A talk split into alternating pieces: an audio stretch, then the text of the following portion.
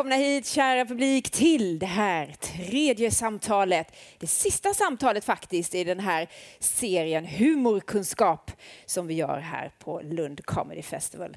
Det är idag det kommer gå åt helvete. Enligt krisforskaren så är det liksom sista åket. Det är då när man slappnar av som allting kan hända. Men jag hoppas att jag har fel. vi får se vad våra gäster säger här. Idag ska vi nämligen prata om hur vi gör när krisen slår till. Eller egentligen, ännu hellre, vad borde vi göra innan krisen slår till? För vi kan nog räkna med att vi under vår livstid kommer att drabbas av ja, både mindre och större kriser på olika sätt. Ska man fly eller fäkta, eller som rubriken på det här samtalet är, stormkök och konservburk eller enkel biljett till Mars? Och det är så här att knappt hann ju då eh, bläcket på det här programmet att torka förrän krisen faktiskt slog till. För det var så här att Annika Lantz skulle ju ha varit här hos oss idag men har tyvärr tvingats hoppa av festivalen på grund av sjukdom. Hon har jobbat alldeles för mycket och drabbats av det som så många av oss gör, stress på olika sätt. Så jag tänkte vi skulle avsluta här idag med att skicka en hälsning till Annika, men det återkommer vi till. Men som ni vet så kan ju kris också betyda möjlighet, eller hur? Så jag har istället eh, den stora glädjen att få säga välkommen till popsångaren, journalisten, före detta pressekreteraren som har gjort en enormt hyllad och uppmärksammad monologföreställning om hur det är att drabbas av kris på det personliga planet, att få en svår sjukdom som Parkinson. Jag vill säga varmt välkommen till Uje Brandelius. Välkommen! Hej! Välkommen hit, så roligt att ha dig här. Tack, tack. Varsågod, slå dig ner så länge. Och vid din sida så kommer vi ha forskaren för dagen och det är Magnus Hagelsten. Ge honom en varm applåd. Välkommen. Jag sätter mig i mitten så får du sitta där. Och så kul och spännande att ha er här eh, och få prata om detta rafflande ämne, kris och katastrof. Det kanske inte blir så mycket krig som vi annonserade inledningsvis, men desto mer kris, tänker jag. Eh, Uje, ditt namn, det är en kombination av dina föräldrars. Kan vi inte bara reda ut detta först? Ja, det är väldigt enkelt. Min mamma heter Ulla, min far heter Jerker, eller heter Jerker. Eh, sen så, ja, det var på 70-talet man kunde göra lite som man ville. Eh, så att, eh, de bestämde att jag skulle heta Uje. UJ, U efter Ulla, J, E efter Jerker. Så det blev Uje. Vilka kreativa föräldrar, Ja. tycker jag. Så det heter det. Magnus, du har inte någon sån historia? Nej, det har jag inte. Nej. I torsdags kväll så gjorde du din föreställning eh, Spring Uje spring som vi kommer återkomma till i samtalet idag. Hur, hur var mötet med Lundapubliken här Ja, på festivalen? Det var jättehärligt. Eh, Jag har ju spelat den här föreställningen nu i tre år snart, men det fortsätter att vara kul. Så att, eh, därför fortsätter, jag ett tag till. Eh, att, eh, Men du värjer dig lite från det här att vara komiker? Ja, alltså, jag är ju inte komiker alltså, på det sättet, men däremot så tycker jag om att vara rolig. Men, Det är helt okej. men att vara komiker känns jätteläskigt för då är man, då är man tvingad att vara rolig. Jag är hellre någon sorts scenperson, musiker slash skådespelare som råkar vara rolig. Eh, Det är gött att gå lite under radarn, annars Ja. blir det så höga förväntningar. Exakt så. Ja, jag tänker likadant. Ja. Ja. Magnus, du är ju masterföreståndare eh, vid katastrofriskhantering och klimatanpassning vid avdelningen för riskhantering och sam- samhällssäkerhet vid LTH på Lunds universitet. Ah, vad skönt. Det, det var kort och koncist. Ja, men det var rätt, va? Ja, det är helt jag var tvungen att läsa innantill. Eh, du, har du gjort någon analys på vad som kan gå fel i det här samtalet? Eh, De som känner mig så är svaret absolut. Ja. Eh, Och eh, det finns flera scenarier. Eh, Vi, Berätta. Ja, vi är allt från att eh, du blir sjukskriven av stress Ja. till att Uje, du dyker inte upp. Och det skulle vara katastrof. Då får jag alla frågor. Och jag är ju akademiker och inte särskilt... Alla humorfrågor också Ja, ja, jag är inte så rolig så att då, då så preppar jag med några frågor till dig. Så jag tänkte att vi kan ha en dialog. Ja, men det, det finns faktiskt lite allvar bakom detta, för när vi hade ett försnack, då var det liksom så där, då kom Magnus med sin lista så här, jag har tänkt på en del saker, vi måste prata om dem innan. Oh, shit, tänkte jag. Nu har vi liksom seriösa personer att göra här. Så att jag har försökt nu att, att preppa så, så mycket som möjligt här. Ehm, jag tänker på att förutom att du då forskar kring det här och, och, och jobbar med de här frågorna så är du också en äventyrartyp. Jag tänker, hur går det där ihop? Om man nu håller på med riskhantering och så. Och sen så eh, bestiger man berg, håller på med extremskidåkning, cyklar mountainbike, åker longboard. Jag fattar inte. Har du inte tillräckligt med, med liksom adrenalin i ditt liv? Eh, det beror lite grann på vem man frågar om man tycker det är extremt eller inte. Eh, och sen handlar det om kunskap i grund och botten.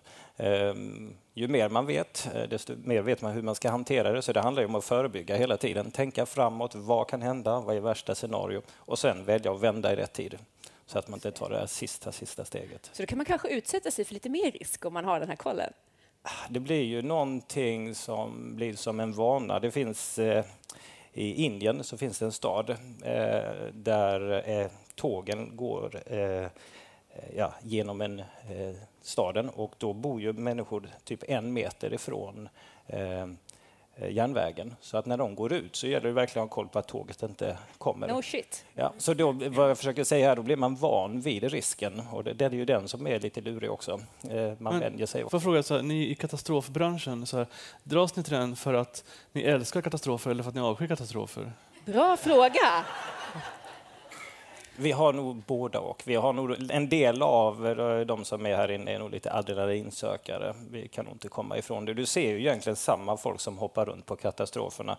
Och, eh, eh, så när jag åkte till jordbävningen i Pakistan 2005 på flygplatsen där så hejade jag ju på en rad olika människor eh, som jag har träffat då i FN och EU och Röda Kors-sammanhang. Eh, Så det, det är en liten Tjena cirkus, kompisar, här är det är vi, cirkus av folk som åker runt. så? Ja. Ja, Där fascinerande. Johan från Sjöby, en av dem, vi pratade om det innan. Så. Mm. Vi är Läkare utan gränser. Ja. Men Uje, är du en äventyrartyp? Nej, inte alls. Nej. Oh, älskar kontraster, det är så skönt. Innan vi fortsätter att snacka så tänkte jag faktiskt vända mig till min kompis och kollega och kompanjon här och det är Magnus Björn Bensen. Ge honom en varm applåd. Hallå Magnus! Hej, hej, hej. Du är egentligen polis till yrket. Det är jag, Cyklande polis. till och med. Det låter riskfyllt. Nej, inte så farligt. Nej, det är ju tar det ändå i. Lund ju. Ja. Åh, säg inte det. Här finns väldigt mycket man kan cykla ner i, gropar och allt möjligt. Ja, absolut. Du, jag tänker på det här med eh, att hantera kris och eh, tuffa situationer. Är det någon som tvingas göra det i sin yrkesutövning så är det ju polisen. Mm, ja, men det är Hur, sant. Det är hur, sant. hur ska man agera då? Har du några bra tankar kring Ja, det? det, det är ju lite svårt. Vi har ett, ett jättebra mått inom polisen som heter laga efter läge. Och det använder vi mycket, speciellt i krissammanhang. Det kan ju, man vet inte riktigt vad man kommer till. Men de mest vanliga krissituationerna är ju egentligen ett dödsbud, att lämna ett dödsbud. För det kan bli hur som helst egentligen. Men det, då, då, då vet man ju att då, då ska man vara väldigt lugn, man ska vara väldigt, väldigt rak och kommunikativ. Och en gigantisk stor famn. Det vet man. Det har man, varit, de har tränat på så många gånger. Men det, det kan skilja Ja. mycket. När man. Men när man hamnar i de här absoluta eh, tuffa, svåra situationerna som vi har hört om nu, skjutningar och sådär, och när det är liksom ett pågående drama, hur, Mm. Ja, men då är, vi, vi, vi är väldigt många då, poliser som kommer till ett sånt ställe där man har en ledare som berättar, som är väldigt strukturerad, som berättar hur vi ska göra och så. Så brukar det gå rätt så bra. ja, så inte så öppet för improvisation där. Nej, det är det inte. Nej. Nej. Men du, på det personliga planet då? Jag tänker om man nu är kanonduktig på det här i sitt eh, yrke, hur är det eh, när det händer något privat? Ja, men, men då fungerar vi nog som alla andra. Jag vet att min son, han, det var en, eh, en, en förälder som inte stängde dagisgrinden, så han var ju borta 45 minuter, han var två år gammal. Ja, Och då är det ju viktigt att ha en kollega som står bredvid en och strukturerar och, och, och, och hjälper en vidare över. där, eh, hur man ska För hur blir du då? ner. Nej, det, jag, jag fungerar precis som alla andra. Det blir ju fullständigt kaos. Ja. Ja. Så tror jag vi fungerar lite till mans. Så är det. Ja. Tack för dina reflektioner. Du får Tack. sätta dig ner och fortsätta lyssna. Tack, Tack. Magnus.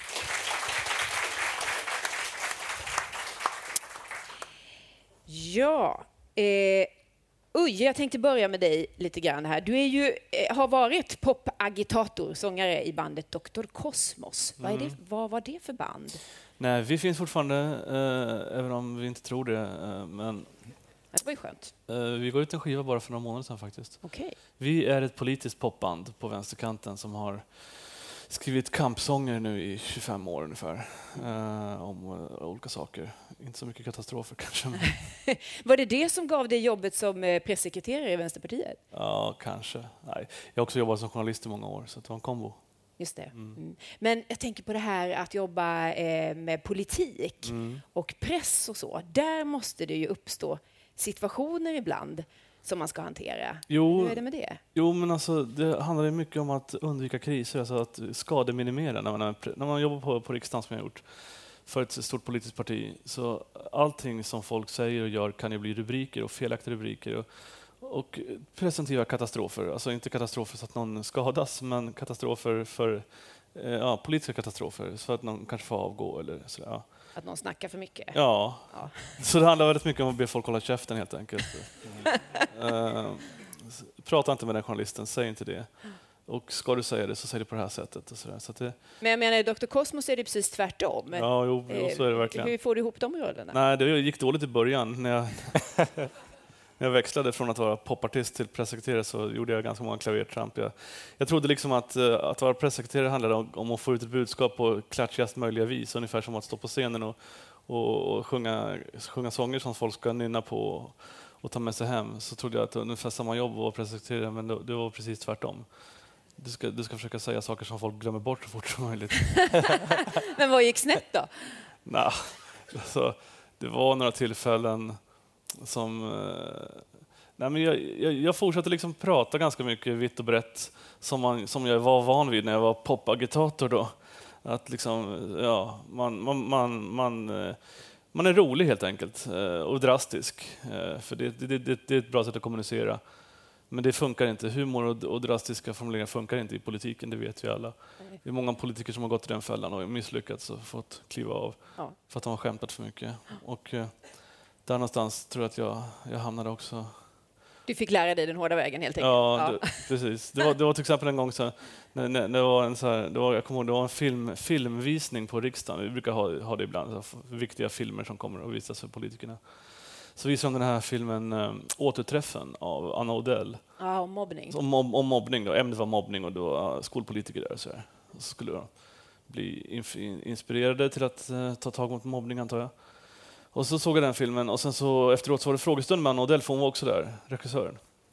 Och då räckte jag upp handen för det var ingen annan som gjorde det så jag tänkte det var pinsam tystnad.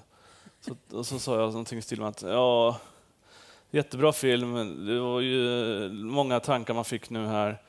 Till exempel kanske man borde ha någon sorts hierarkikunskap i skolan så att man fattar så att eleverna lär sig vilka som står under och över. Och för det där är, handlar ju mobbning mycket om. Och så här, jag bladdrade på där, ganska ogenomtänkta Redan där känner man det är det här på väg. tankar. Tänkte, jag, jag, jag, jag pratar på lite här så, så fyller vi tiden. Så att, och så försökte jag vara lite rolig. Eh, dagen efter så hade Dagens Nyheters ledarsida rubriken Vänsterpartiet vill införa hierarkikunskap i den svenska skolan. Då fick någon av dina kollegor rycka ut. Ja, precis. Exakt. Och då, Ja. för då, så- då, då hade suttit någon DN-skribent längst bak i salen, det hade inte jag en aning om. Nej. Ja, sådana saker kan, kan man drabbas av om, om man inte förstår skillnaden mellan, mellan politik och humor. Så. Magnus då Hagelsted, hur blev du först intresserad av det här med kris och katastrofhantering? Det, det är en lång tid tillbaks. Det börjar egentligen eh, 1985-1986 när, B- när Bob Geldof drog igång Live Band Aid och eh, hungersnöden i Etiopien. Så där satt jag och tittade på det. Men då var inte du gammal. Eh, nej, det, det är Nej. Relativt. Du kände, här, här är mitt fält. Liksom. Ja, men då, jag då kände jag att det, det är det här jag vill hålla på med. Och så har jag haft det som en ledstjärna. Ja. Men vägen har inte varit spikrak utan jag har gjort lite alla möjliga avsteg. Men den här långa introduktionen jag gjorde av dig, kan du liksom summera väldigt kort? Vad, vad går din forskning ut på egentligen? Alltså den forskning jag tittar på är ju egentligen utifrån, eh, jag har jobbat mycket internationellt eh, i, i över tio år med, eh, på heltid med internationell katastrofhjälp. Och, jag var i Afghanistan 2003 och jobbade just med att bygga upp kapacitet för att hantera katastrofer och insåg hur dåliga vi är på det eh, när vi stöttar någon annan eller en annan organisation. Så vad min forskning just tittar på specifikt är att hur går vi egentligen tillväga? Vilka utmaningar finns? Vad är framgångsfaktorer? Vad är principer? Och vad är det som gör att vi inte använder det? Om vi nu vet att det är här vi ska göra, varför gör vi inte det? Vad är det vanligaste bristen? Till, eh, till Att det, det inte funkar? att vi inte kommunicerar, att vi inte lyssnar på varandra. Det är väl en bra början. Just det. det var det Magnus var inne på, det här. rak kommunikation i kris. Mm. Eh, I maj förra året så kom den här broschyren. Nu håller jag upp den här eh, om krisen eller kriget kommer. Känner ni igen den? Ja, fick ni den i lådan? Vad, vad, vad, kände ni, ni då? Jag kände så här, va? Nej, men vad är det här för något? Det kan väl inte bli krig? Vi har inte haft krig på evigheter. Måste jag ta till mig den här informationen? Jag blev lite sådär, det var lite jobbigt tyckte jag. hur, eh, hur mycket tagna på sängen blev vi, tror du, av, av det här? Ja, till, eh, till en viss del eh, kanske. Jag tycker det är bra att det finns, att eh, vi informerar om vad, vad är det som vi behöver eh, vara beredda på. För eh, trots allt är det som så idag att vi förlitar oss ofta på att allting ska fungera. Vi är vana vid att händer någonting så finns det räddningstjänst, sjukvården, vi kan åka dit och få hjälp. Vi har värme i våra hus, mobiler fungerar, vi har ström. Vi har rent vatten, vi har mat, vi, vi har det mesta. Men vid händelse av en kris och vårt sår, eh, samhälle så som det ser ut idag är ju väldigt så, sårbart. Ja. Det är många aktörer och de är beroende av varandra. Så får vi ett avbrott så eh, drabbar det inte bara en, eh, en sektor utan det är flera stycken. Och jag tror att det var väldigt många som kände av det här förra sommaren med skogsbränderna. Ja. Då kröp det väldigt nära eh, hur, hur, det faktiskt kan bli och hur vi kan påverkas. Men är, är, vi mer förberedda idag än tidigare för olika slags kriser? Kan man säga något om det, Magnus?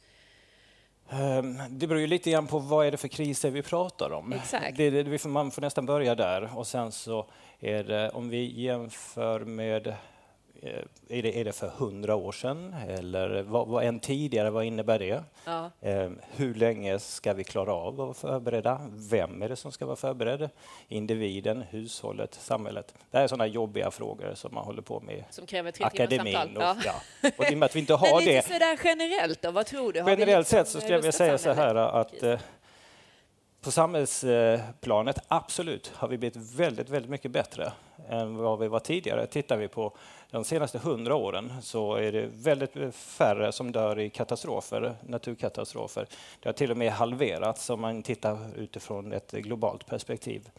Eh, som jag nämnde innan, vi har rent vatten, vi har vaccinerar, eh, vaccinationer, Eh, så att absolut. Så, så, så på har... samhällsplanet bättre så.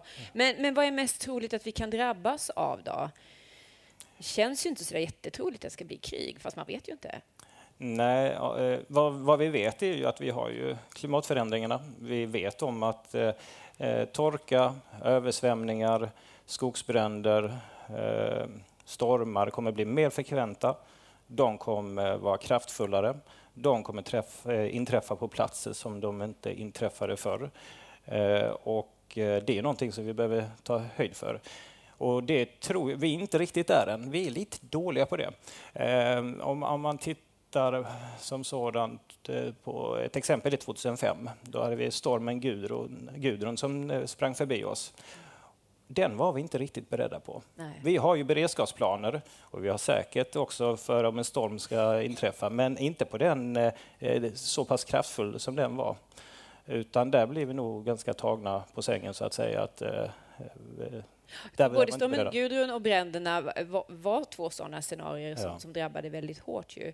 Men eh, kan det också vara så att, för jag menar, kriser och katastrofer är alltid hemska på olika mm. sätt. Det drabbar människor väldigt hårt. Men kan det också vara så att det finns någonting gott som kommer ut ur det? Jag vet att vi snackade lite om det inför det här samtalet. Att kriserna gör någonting med människor. Vad tänker du om det, Uje? Fråga mig då så kan jag berätta om min kris. Eh, jag fick ju den diagnosen Parkinsons sjukdom för några år sedan. Och det är en kris och katastrof på, på ett personligt plan. Det är ingen skogsbrand som massa människor blir involverade i, men det är, en, det är, min, det är min privata skogsbrand så att säga, som jag måste hantera. Och eh, jag kan känna så här, när, alltså, det är ganska märkligt, ganska mycket motstridiga känslor när man drabbas av en, av en sån katastrof. En, en grej är såklart att man, man blir jätteledsen och, och deprimerad och, och, tycker att allting är skit. Men en annan, en annan grej är att man blir som västerlänning och extremt förskonad ifrån, ifrån trassel och liksom jobbiga grejer, att man blir lite, lite, lite upplivad av, av en, att det händer en sån dramatisk sak. Ah. Eh, Det är väldigt svårt att, att förklara det, men jag kan liksom återkalla och vissa samtal som jag haft med kompisar så här, när, jag skulle då berätta om den här väldigt dramatiska saken så kunde jag känna ett visst mått av spänning. Och så berättade de att eh, eh, min mamma har ont i ryggen, eh, min son ska börja skolan och jag bara mm, mm, mm, mm. Kände det byggde upp? Men snart ska jag berätta en grej som är jävligt mycket ballare. och så fick jag släppa bomben. Och sen var man ju liksom, sen, var- sen var ju resten av samtalet talk, liksom, då, då, då, då handlade det om mig. Men det är ju, intress- det är ju intressant iakttagelse det där, för jag vet ju att det var eh, oerhört eh, alltså skitjobbigt när du fick det här beskedet. För du hade gått till läkare och du hade känt att det var saker som inte stämde. Ja, jag, Funkade inte riktigt så. nej, jag, jag, fick- jag, jag, jag hade ingen aning om när jag gick till läkaren att jag skulle få det beskedet. Nej. De, de hade tagit lite, lite prover och så här, och sen så skämtade jag med min sambo när jag gick iväg på förmiddagen att jag kanske har Parkinsons sjukdom. För jag, för jag, jag, hade, ju- jag skakade på vänsterhanden och prasslade när jag läste tidningen och sådana saker. Och så skrattade jag lite grann åt det. Sen kom jag tillbaka två timmar senare och sa jag har Parkinsons sjukdom. What? Och därifrån har ju vårt liv förändrats så att säga. Ja. Men om, men om man, men om man liksom har det här katastrofperspektivet så är det... Och jag tror liksom att... Jag, jag, på ett personligt plan kunde liksom eh, känna lite, lite grann av, av, av spänning liksom i, i, i början där. Och jag tror att det är lite samma sak för de boende i Hälsingland eller sådär. N- När de får baka kakor och ge till brandmännen. Och när, när, alltså, när de får liksom mobilisera och känna sig nyttiga. För att vi lever i sådana extremt välordnade och eh, okatastrofinvaderade liv. Individualistiska och liksom, Ja. eh, vi håller oss för oss själva Ja. mycket. När det händer en sån här grej så kommer man samman. Och man kan, man, jag kan tänka mig att om några år, kanske, det kanske inte gäller alla skogsägare, det kanske inte gäller alla, men några människor kommer att se tillbaka på de här skogsbränderna som någonting ganska mysigt. Tror du det? Ja. För att de möttes? Ja, att att, de... att det var lite trevligt. Kom du ihåg när vi bakade bullar till, till, till alla brandmän? Ja, varför, varför gör vi inte det jämt? Ja, för det brinner ju inte jämt. alltså, Ja, men det är en intressant iakttagelse. Magnus, har du sett det här när du är ute på fältet och jobbar i olika Ja, katastrofer? Att man, att man just möts på nya sätt? Att det kan komma någonting bra ur det? Ja, det är egentligen två olika saker som jag tänker på. Då. Det ena är att eh, Eh, naturkatastrofer, eh, tror det eller ej, men de, de har en förenande förmåga. Eh, och, och det tycker jag jag har sett på de flesta katastrofer jag har varit på. att Folk hjälper varandra.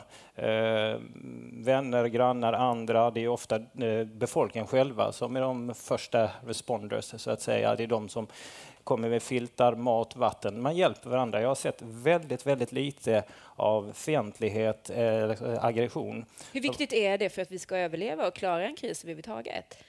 Det är ju jätteviktigt och det är en utmaning så som vi lever idag i vissa städer.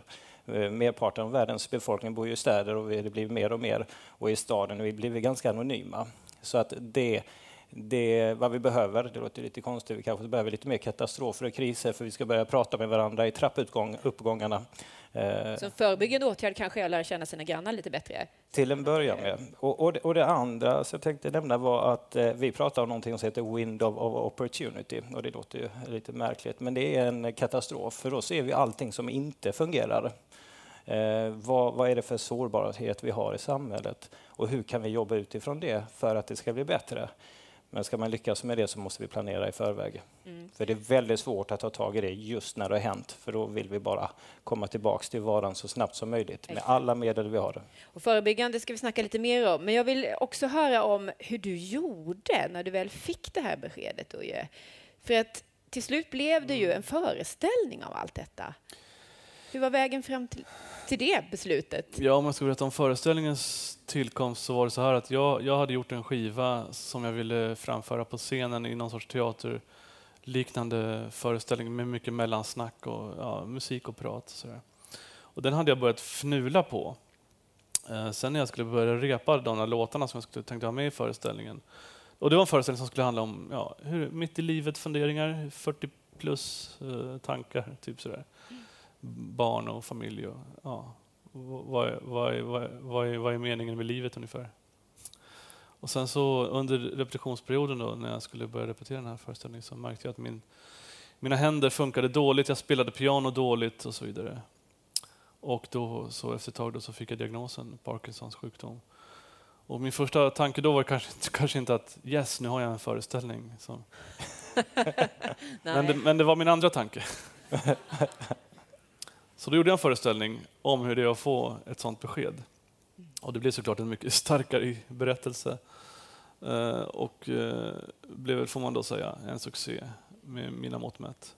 Vad har det betytt för dig? Du har varit runt och Ja, det, det, betyder, jättemycket det med betyder att jag kan leva på mitt konstnärskap. Ja. För du var modig där. Du sa upp dig från jobbet, kastade dig ut i detta. Och, Mm. Ja, jo, det gjorde jag efter, efter ett tag. När, när, när jag kände att ja, men det här funkar nog, då, då vågade jag säga upp mig från jobbet. Och, ja. för det är, inte, det är inte så smart att säga upp sig från jobbet när man just fått en diagnos. Men, Men det var djärvt och det funkade. Men det där kanske Hittills. också är en slags eh, pusselbit i någon slags personlig krishantering, att bestämma sig för, för vilken väg man ska ta. Mm. Och du har ju utvecklat en metod, ja, Uje-metoden, den vill vi Ja. hemskt gärna höra om. Ja, jag sommarpratade förra sommaren och då, då, då skämtade jag lite grann om Uje-metoden. Jag försökte se lite, lite i retrospektiv hur, hur jag hade hanterat min sjukdom. Och först så, så var jag såklart då väldigt ledsen väldigt länge. Sådär. Eh, förbannad, ilsken, desperat. Varför har just jag drabbats av det här? Men sen så, så, så började jag göra väldigt, väldigt mycket saker. Jag, liksom, eh, jag gjorde föreställningen, jag skrev en barnbok, jag spelade in en till skiva. Alltså det var, jag jag hade väldigt mycket eh, projekt för mig med saker som jag tycker om att göra. Det är då sak, saker som har med kultur att göra ganska ofta. Så jag, jag blev extremt aktiv helt enkelt. Eh, så att jag försökte liksom eh, sopa, sopa problemen under mattan och det tycker jag är en ganska underskattad metod. Eh, Så det är liksom punkt nummer ett. Matten, spring, gör så springa springa ifrån sina problem kan funka. Ja. Jag ska checka det här med forskaren Ja. sen om det är bra eller inte. Men Ja, men alla så, punkter så, så det, det, det, det är väl den ena metoden i, i, i den här Uje- Uje-metoden. då. Och sen så tänkte jag också väldigt mycket på andra människor som har det mycket sämre än jag. Eh, de som sitter med, med liksom, jag tänkte på så här, typ digerdöden och sånt. Eh, Det värsta. det kan inte vara så kul. Eller folk som svälter ihjäl. Alltså, då har jag det ganska bra ändå. Det finns mediciner och bla bla bla. Så då var det inte, då var inte lika synd om mig längre när, när, när jag tänkte på de människorna. Man ska, man, man ska alltid tänka på folk som har det värre. Det är liksom andra punkten i, i, i metoden. Eh, och sen så den tredje punkten som jag också ägnar mig väldigt mycket åt, det var att berätta för alla. Och där kommer den här föreställningen in, för att jag har ju verkligen varit superoffentlig Ja. med min diagnos. Och först, så, först så berättade jag för alla kompisar och alla släktingar. Och så där. Hade middagar och, och fikor och du vet, för, till förbannelse. Jag, jag, jag ville liksom berätta personligen. Så där. Sen så la jag upp det på Facebook och sen så gjorde jag en föreställning. Så att, eh, ja, det finns inte någon som känner mig eller som vet vem jag är, som inte vet att jag har den här sjukdomen. Men på vilket sätt hjälpte det dig, tyckte du, att vara så offentlig? För det kan ju också ha en baksida, tänker jag. Ja, nej, men framsidan är att jag slipper förklara för folk. All, alla som träffar mig som vet vem jag är, de, de vet redan att jag är sjuk. Så jag, jag, jag, slipper, jag slipper berätta för dem varför jag skakar. Och liksom, sådär, utan jag, det, det är liksom avklarat. Så att det, då, då kan vi prata om andra vanliga saker och det, det känns jätteskönt, tycker jag. Eh, men, men, men, men, men sen också finns, finns, finns också den här eh, om man tänder lampan i rummet så försvinner spökena-grejen också. Alltså, det- det, det man pratar om, det man är offentlig om, det man, det man ser som självklart, det är inte lika läskigt. Om jag ska försöka gå och hemlighålla min, min, min diagnos, att få veta om den, och så här, då, då blir det ett jobb och ganska kämpigt liksom, att hemlighålla det. Så därför valde jag att, att inte göra det. Så det var de tre punkterna i metoden. Berätta för så många som möjligt. Vad sa jag? Berätta för så många som möjligt, gör så mycket som möjligt. Ja, Eh, och eh, helt enkelt andra har det... ja Mycket värre. tänk på andra som har det värre. Ja. Vad säger forskare Magnus om detta? Är det en bra metod? Ja, men det tycker jag. Eh, Utifrån att jag skulle nog kunna säga att jag använder något av de där stegen i UJ-metoden. Eh, framförallt eh, eh, inför det här samtalet kände jag okej, det här är inte min tio topp-grej jag skulle välja att göra. De flesta eh, gillar ju inte att göra sånt här. Nej, det handlar ju om kontroll Ja. och om man inte riktigt vet exakt vad som ska hända. Så då tänkte jag så här, okej, vad har jag varit med om som var värre? Och då har jag ett exempel från Afghanistan där jag var i Jalalabad. Och Jag älskar att sätta sig i det Ja, sammanhanget. eh, och i, i Jalalabad så var det ett projekt som skulle utföras Och helt plötsligt någon eh, gammal eh, ledare där, äldre förmåga, han gjorde, sa att det var jihad på alla svenska, eller på alla västerlänningar och hjälparbetare, vilket var obra, får man nog säga. Jag vet inte om jag har sagt det till mina föräldrar som sitter i publiken, men i alla fall. Det vet de. Ja, och då så gjorde de som så att, det här, sa de, nej men vi upp, upp, uppskattar egentligen att ni är här, det här han, han tar tillbaka detta, så därför vill vi bjuda in er till en middag allesammans. Och detta var 2003 och sen då tackar jag, då var jag lite yngre, eh, till detta, vilket jag aldrig skulle göra idag. Men då tänker jag på det. Ja, men det var ju faktiskt lite värre. Och det gick ju bra. Ja, det så gick då vågade du dig hit till Ja. Grand Hotel i Lund. Ja. Ja. det känns jättebra. Skönt, jag är tacksam för det. Eh, jag tror vi var jättemånga som såg den här SVT-reality-såpan Nedsläckt land. Stämmer det? Någon här? Ja. Eh, det var ju så här, det var ett gäng svenskar som delades upp i två grupper. En grupp fick bo i ett supermodernt uppkopplat hus. Eh, den andra gruppen fick bo på landet utan några vidare moderniteter. Och sen gick strömmen. Det var det som var grejen. Och då undrar jag, hur har sårbarheten ökat i takt med att vi blir allt mer digitala? Man tänker på det där ibland. Om elen försvinner, vad händer då? Ja, det, det är bra frågor. Eh, vi har ju absolut blivit mer sårbara i, allt eftersom vi blir mer beroende av det, det digitala systemet. Eh, för när strömmen slås ut så påverkar det en rad olika basala funktioner som vi har i vårt samhälle. Allt från värmen i våra bostäder och ett exempel på det är ju när jag var eh, under jordbävning i Pakistan 2005 så Eh, uppe i Kashmir så var just eh, en av de största utmaningarna var att det var kallt i husen så eh, folk dog, inte bara av skador just också för att de frös ihjäl. Och händer detta under vintern så får det katastrofala följder. Vi behöver el för att driva pumpar och för att få vatten ur våra kranar, toaletter, få bränsle till våra fordon. Vi behöver ju ström för att kunna kommunicera. Eh, Ta ut pengar, tänker jag. Ja, bra. Ja. Mobiltelefonerna. Vi kan inte gå och handla mat heller. Nej, och Sverige är ju så framåt där så att vi ska ju vara det kontantlösa samhället och det blir ett jättestort problem om vi inte kan använda våra kort. Och det är inte många butiker heller som har den här gamla kortsläden längre. Nej. Så att, eh, och min dotter som sitter här i publiken, eh, Luna, hon har diabetes typ 1. Så när vi hade den här obligatoriska Eh, sittningen framför nedsläckt land så kommenterade Luna att Ja, men hallå, jag har ju diabetes. Hur går det då om jag ska köpa insulin och insulin ska förvaras i kylen? Jag behöver kolhydrater. Så att det är ju egentligen en rad olika saker eh, som påverkar vårt samhälle. Så man skulle också kunna säga så här att det kvittar egentligen eh, om det är en skogsbrand eller om det är en översvämning eller storm eller du pratar om kriget. Om konsekvensen är att eh, strömmen och elen slås ut, då blir vi ganska sårbara. Våra telefoner idag, eh, mobiler, kräver ju ström. Många har inte kvar de traditionella telefonerna som funkar fast strömmen har gått. Eller FM-radio. Vi streamar allt mer och mer. Eh, Så att det, det är en rad olika saker. Hur ska vi kunna kommunicera med varandra? Eh, Men på ett samhällsplan, pratar man om de här frågorna och hur sjutton vi ska göra då om det skulle hända? Ja, det är klart man gör, men vi behöver göra ännu mer. Vi, Ja. vi har ju lite grann eh, monterat ner vårt civilförsvar och det är vi på väg att bygga upp igen. Eh, och där är det ju alla myndigheter som är involverade för att ta tag i de bitarna.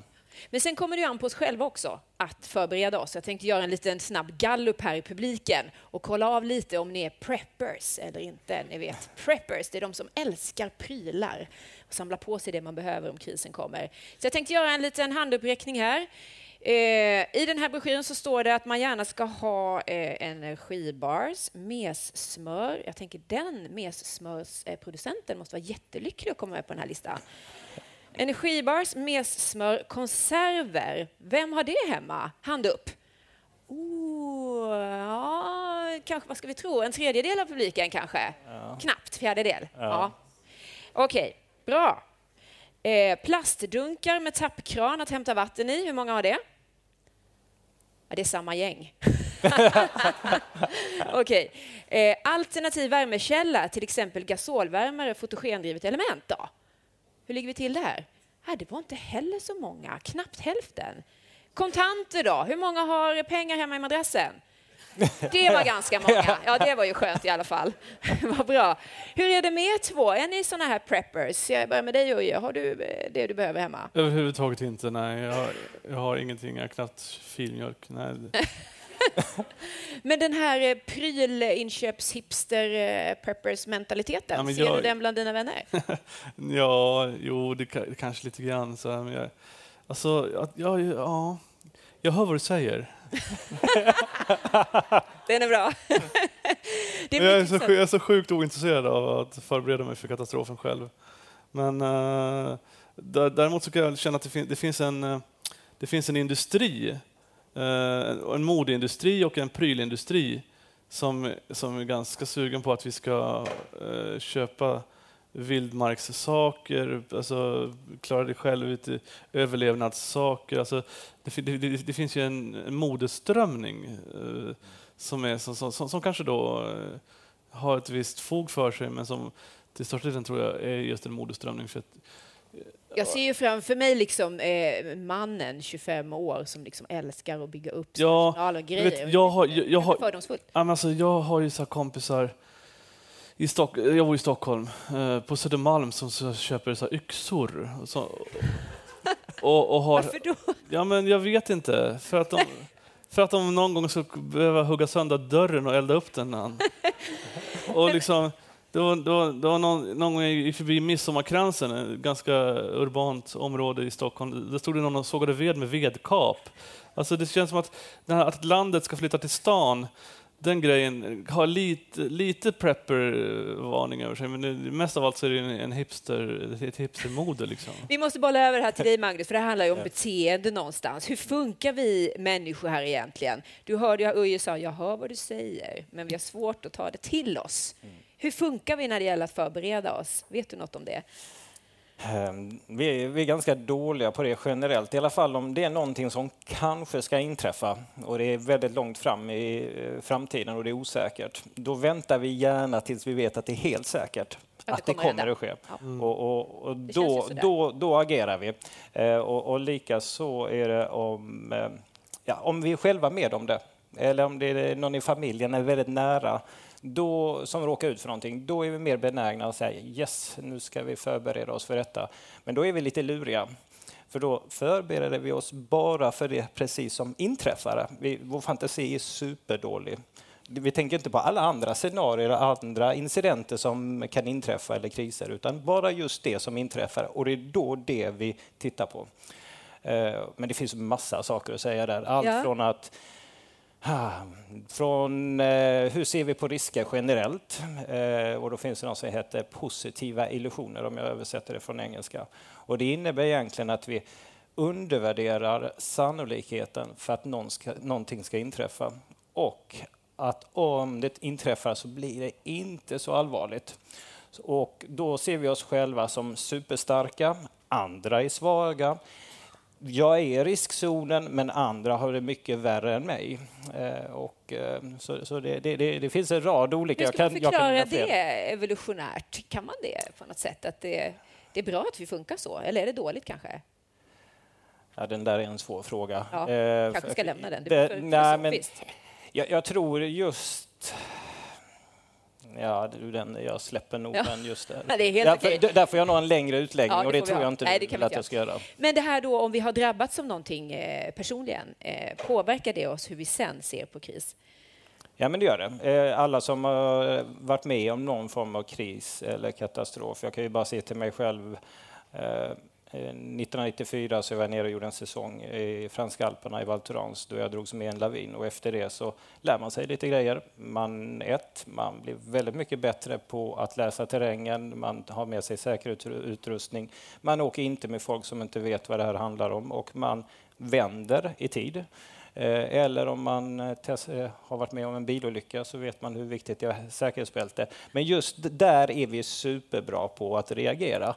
Men vi är också väldigt, väldigt bra på att glömma Ja. det som har inträffat. Jag tror du har rätt. Och nu har vi också det här med faktaresistens, att fakta liksom inte riktigt når fram. Hur påverkar det, tror du, vår, vårt sätt att förbereda oss?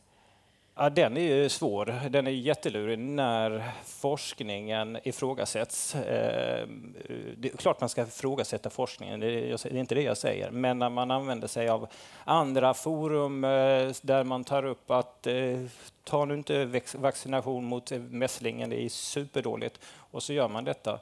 Eh, det blir en utmaning, eller klimatförnekelse. Vi hade ju, eh, jag läste i Sydsvenskan för ett par veckor sedan, så hade vi ett fall av mässlingen och sådär. Så att det, det, det är lurigt. Precis. Vi måste avslutningsvis också prata lite grann om vem är då allra mest riskbenägen? Jag tror att jag vet svaret, men det kan vara intressant att höra. Är det en fråga till mig? eller? Ja, det är det. Okej. Okay. Ehm, det finns en studie som gjordes i USA, eh, det är ett tag sedan nu, så att man kanske ska göra om den tycker jag.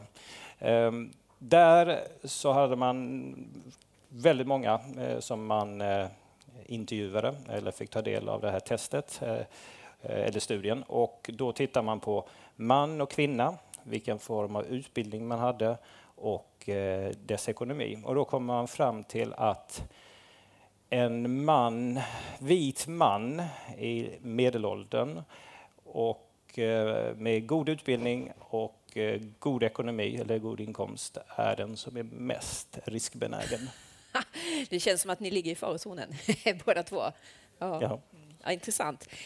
Okej, vad ska vi nu då skicka med publiken här så att de går bättre rustade ut att kunna möta eventuella framtida faror? Vi har ju UJ-metoden. Den tänker vi luta oss mot stenhårt.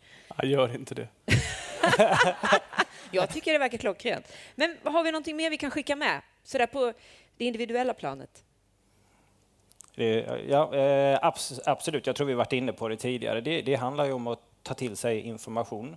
Och om jag får lov att lägga till där så är, fungerar vi också som så att när vi får information eh, och, och, eller ska ta till oss fakta så gillar vi ta emot information som stämmer överens över, över vår egen övertygelse eh, och den kunskapen vi har information och fakta som är motstridig, det ogillar vi. Och det, det säger vi, oh, det där vill jag inte befatta mig med. Och vad vill jag säga med det? Jo, det är dags att börja lyssna mer och ta till oss informationen eh, i hushållen och på det individuella planet. Men det är också politikerna, de behöver komma uppifrån också eh, och eh, inse att vi, vi, behöver jobba till exempel med klimatförändringarna som sker och dess konsekvenser som kommer att vara framöver. Eh, Eh, och för, om jag får lov, får jag ta ett exempel till? Gör det. Vad det gäller torka, det har vi sett några somrar här i rad, att det, det, kan bli en utmaning och så får vi bevattningsförbud. Det är ganska lamt. I eh, Sydafrika, Cape Town förra året, så hade de torka och vattenbrist och då införde man ransonering så varje person fick max 50 liter per person och dag. Och det kanske är någonting vi ska fundera över. Vi tar det lite grann för givet idag att vi kan bara ta och vrida på kranen och så får vi vatten. Och därmed vill jag säga ensam, inte stark om vi ska ha någonting så här. Så börja prata med era grannar om någonting händer eller, och familj. Vad gör vi då? Hur hanterar vi detta? Jag tittar på min fru innan där hur mycket hon räckte upp. Hon räckte inte upp nästan överhuvudtaget. eh, och Vi får nog ha ett ja. Eh, allvarligt snack om detta ja. hemma sen. Uje, vill du skicka med oss någonting mer? Vad ska vi tänka på för att kunna möta krisen på ett bra sätt? Ta det lugnt. ja, det är underbart. Tack så hemskt mycket, Magnus Hagelsten, Uje Brandelius. Tack. Tack.